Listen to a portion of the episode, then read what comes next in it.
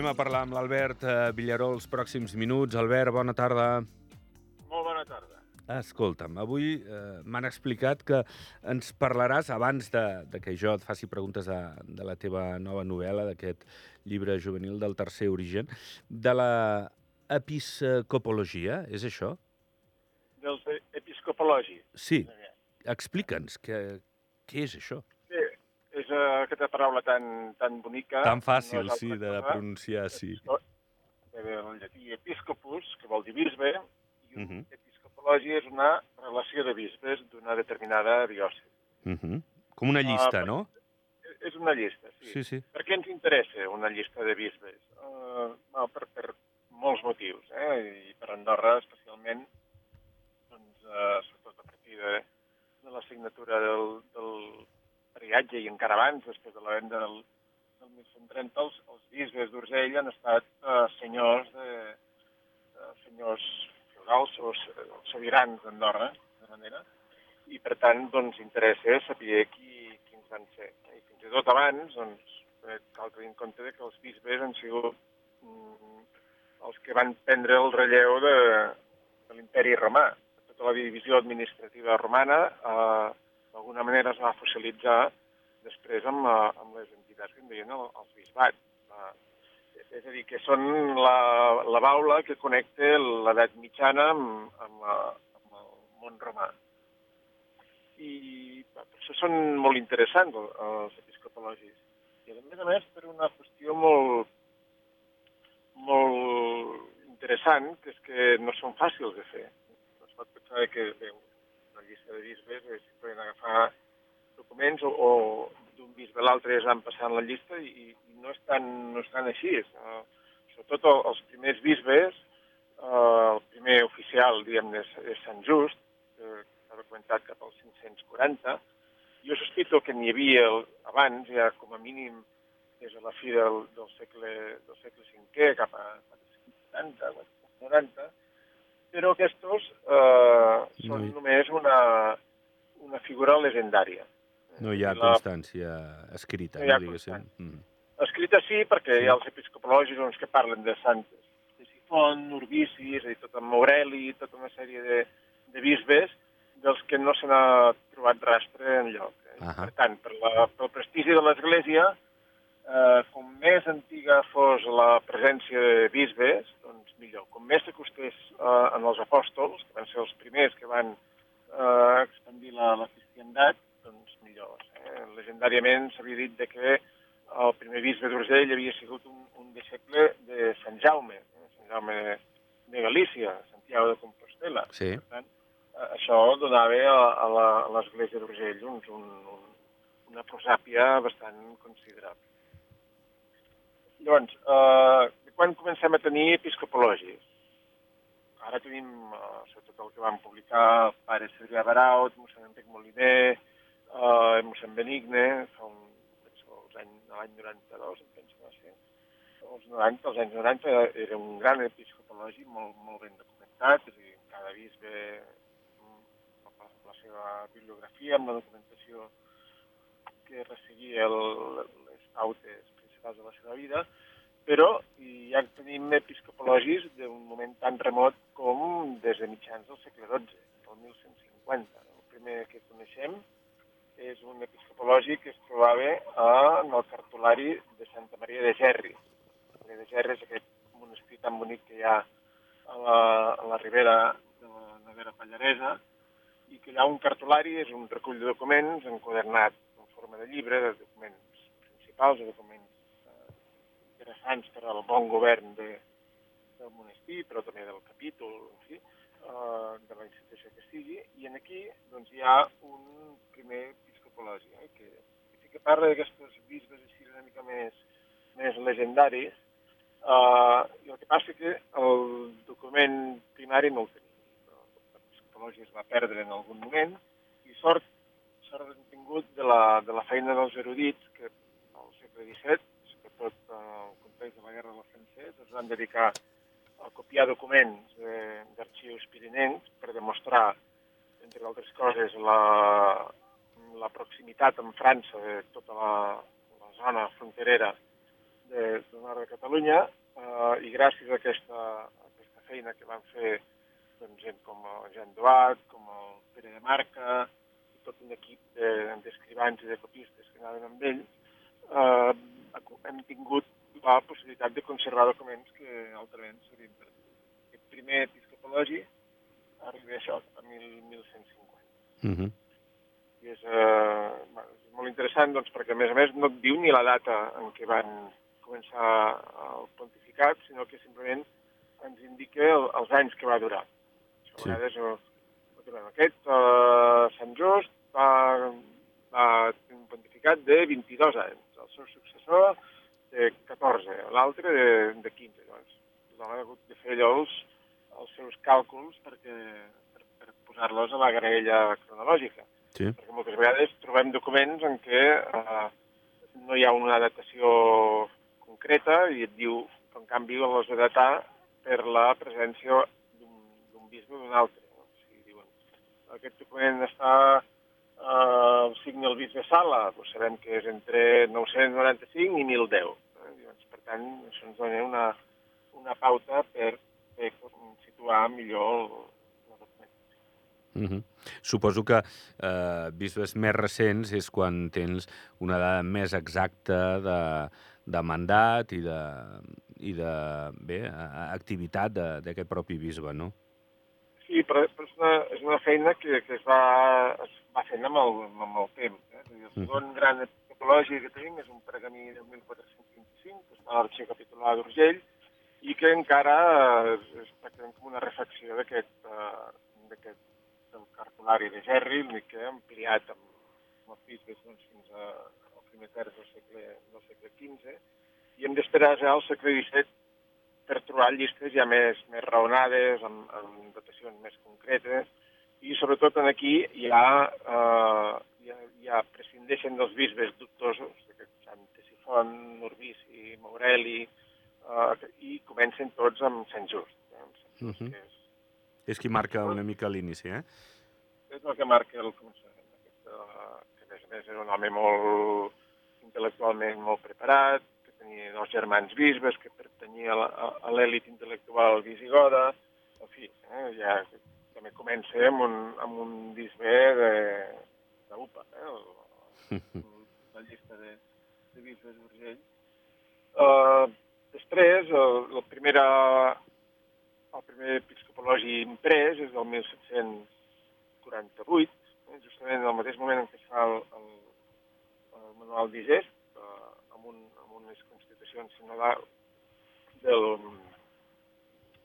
de que va fer el bisbe, eh, hi ha un episcopologi pres amb, amb dates, hi ha una mica més de notícia biogràfica de cadascun de, dels bisbes. És just al mateix moment en què apareix Fita i Rossell i fa l'episcopologi que acompanya el manual d'Illes.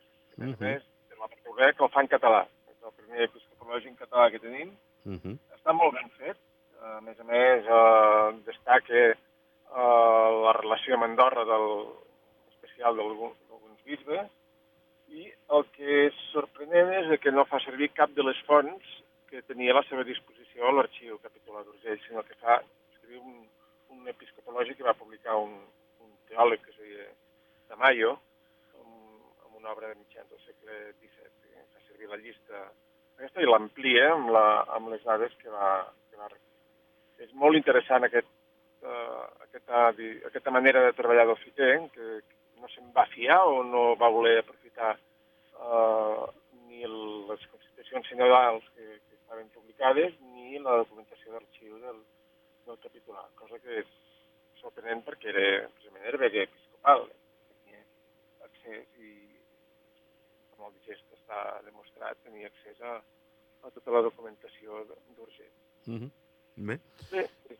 Digues, digues. Perdoneu molt el, el, el rotllo aquest, però no. realment és molt, molt, molt interessant, eh? La, I la molt desconegut, que... si em permets, no? Sí. Uh, és un àmbit uh, aquest de l'episcopologia que, que, que bé, que desconeixíem, jo crec, molts dels que ara t'estem escoltant, que, que existia i, i quin era el procés d'elaboració d'aquestes llistes de, de bisbes, no? Vull dir que eh, té, sens dubte, el seu què com, com a com a informació que, que segurament igual ni ens haguéssim plantejat mai, no?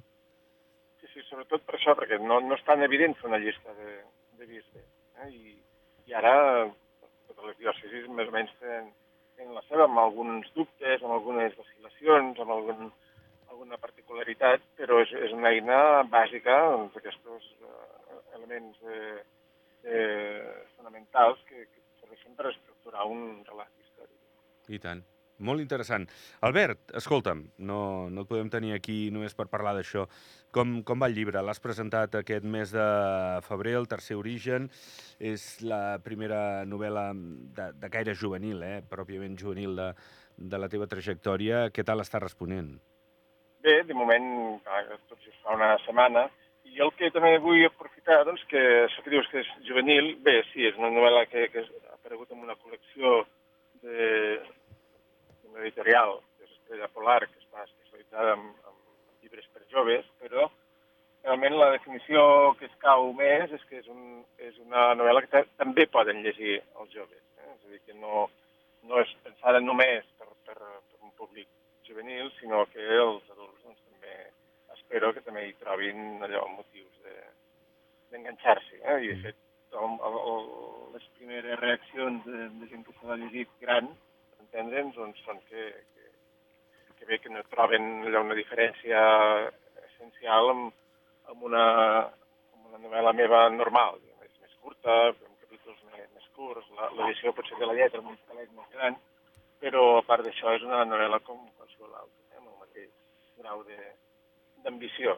Sí, uh, té doncs, molt a veure eh, amb el que va ser aquella obra eh, que jo crec que tots els joves de l'època vam, vam llegir del mecanoscrit del segon origen, de, de segon origen del Manuel de Pedrolo, eh, i, i té molta, molta similitud no? amb aquell treball ara que s'acompleixen 50 anys de, de l'aparició d'aquest mecanoscrit. No? Bé, hi ha, hi ha ecos, eh? hi ha des del començament, des del mateix títol, el títol ja és un homenatge claríssim al mecanoscrit, jo crec que, que com molta gent de l'edat que tenim, d'aquesta edat sí. mitja.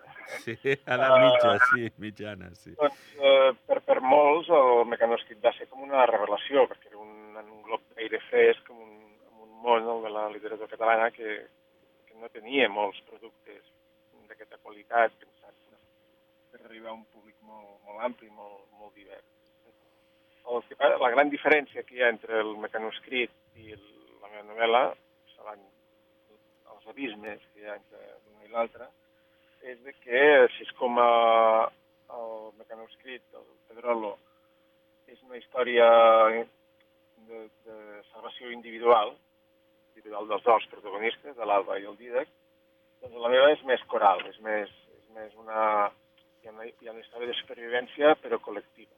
Hi ha un protagonista, que és una, una noieta, que es diu Irene, però que es dilueix en el marc del, del Llobarca, eh, d'aquesta Llobarca imaginari, imaginària sí. que, es va, que va sorgir a, a Obaga, eh, doncs ha recuperat escenari, ha recuperat algun, algun dels personatges i, en fi, ara li hem donat una, una altra, una segona oportunitat a Llobarca. Mm -hmm.